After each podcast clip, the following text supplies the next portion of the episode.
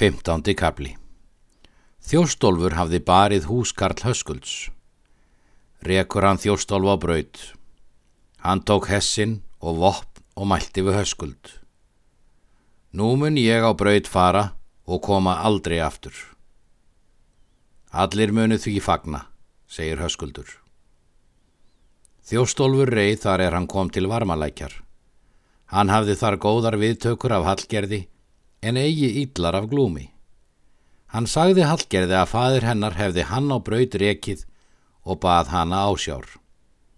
Hún svaraði honum því að hún hveðst honum engum eiga heita um þarvist hans fyrir hún fyndi glúm.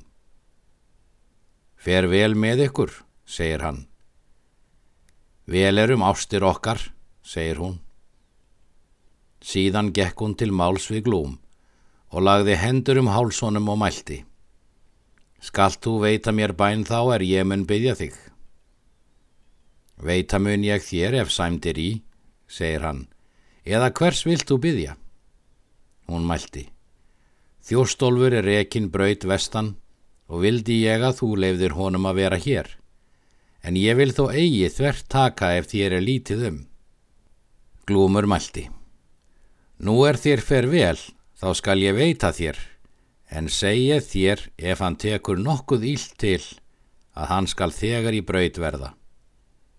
Hún gengur til þjóstóls og segir honum. Hann svaraði. Nú fer þér enn vel sem von var.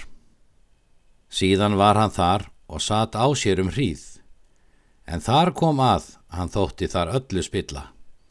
Hann hlýfðist á engan mann nema við hallgerði eina en hún veitti honum aldrei eftirmæli þá er hann átti við aðra.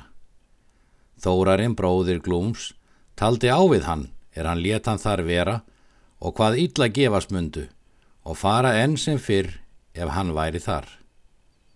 Glúmur svaraði vel og bráð þó á sitt ráð.